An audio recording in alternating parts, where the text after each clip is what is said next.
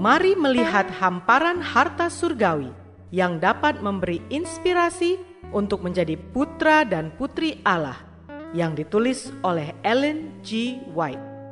Melalui renungan pagi ini, kita akan mempelajari nasihat yang menguatkan dan memberi semangat untuk memperbaiki karakter kita.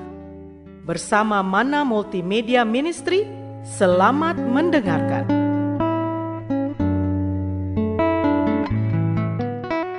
Shalom, selamat pagi saudaraku. Renungan pagi kita hari ini 14 April berjudul Pikiran ditujukan kepada Kristus. Bersama saya, Pendeta Andri Daembani. Ayat intinya diambil dari Amsal 10 ayat 9. Demikian firman Tuhan. Siapa bersih kelakuannya, aman jalannya, tetapi siapa berliku-liku jalannya akan diketahui. Mari kita dengarkan penjelasannya.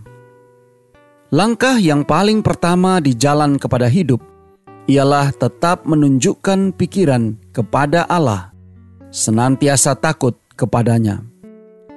Suatu penyimpangan tunggal dari integritas moral menumpulkan kata hati dan membuka pintu kepada pencobaan yang berikut.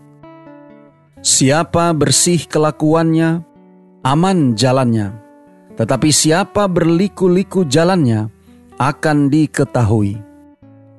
Kita diperintahkan supaya mengasihi Allah dengan setinggi-tingginya dan mengasihi sesama kita manusia seperti diri kita sendiri. Tetapi pengalaman hidup sehari-hari menunjukkan bahwa hukum ini tidak diindahkan. Kejujuran dalam transaksi dan integritas moral akan menjamin kemurahan Allah dan membuat seseorang menjadi berkat kepada dirinya sendiri dan kepada masyarakat.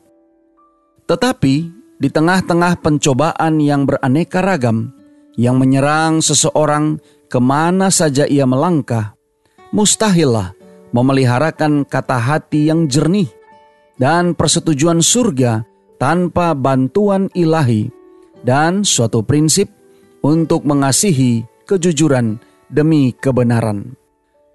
Suatu tabiat yang diakui Allah dan manusia, itulah yang harus lebih disukai daripada kekayaan. Dasarnya harus diletakkan luas dan dalam, bersandar pada batu karang Kristus Yesus.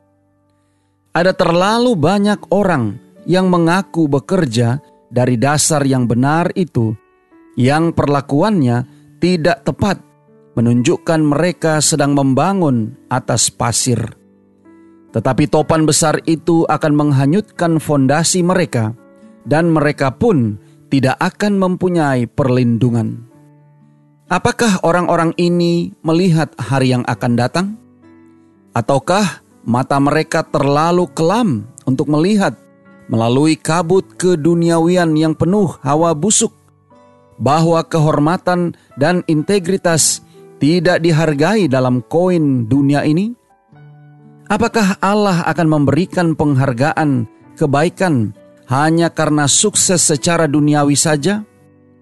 Nama mereka itu telah diukirnya pada telapak tangannya sebagai waris kepada kehormatan yang kekal, kekayaan-kekayaan yang tiada akan binasa. Saudara-saudara yang kekasih di dalam Tuhan, berdiam di atas keindahan, kebaikan, belas kasihan, dan kasih Yesus adalah memperkuat mental dan moral dan sementara pikiran terus dilatih untuk melakukan pekerjaan Kristus, untuk menjadi anak yang patuh, engkau akan secara rutin menanyakan, apakah ini jalan Tuhan? Doa kita hari ini. Bapa, terima kasih. Melalui renungan pagi ini, sekali lagi kami boleh belajar tentang pikiran. Terima kasih melalui renungan pagi ini kami diingatkan agar kami boleh senantiasa mengarahkan pikiran kami kepada Kristus. Tolong kami hari ini Bapa, biarlah dengan pertolongan kuasa roh kudusmu, kami boleh dapat disanggupkan untuk senantiasa mengarahkan pikiran kami kepada Kristus yang akan menuntun kami kepada keindahan, kebaikan, belas kasih, dan kasih Yesus yang akan menguatkan mental dan moral serta rohani kami. Terima kasih Bapa. Inilah doa dan permohonan kami kepadamu. Di dalam nama Yesus kami berdoa. Amin.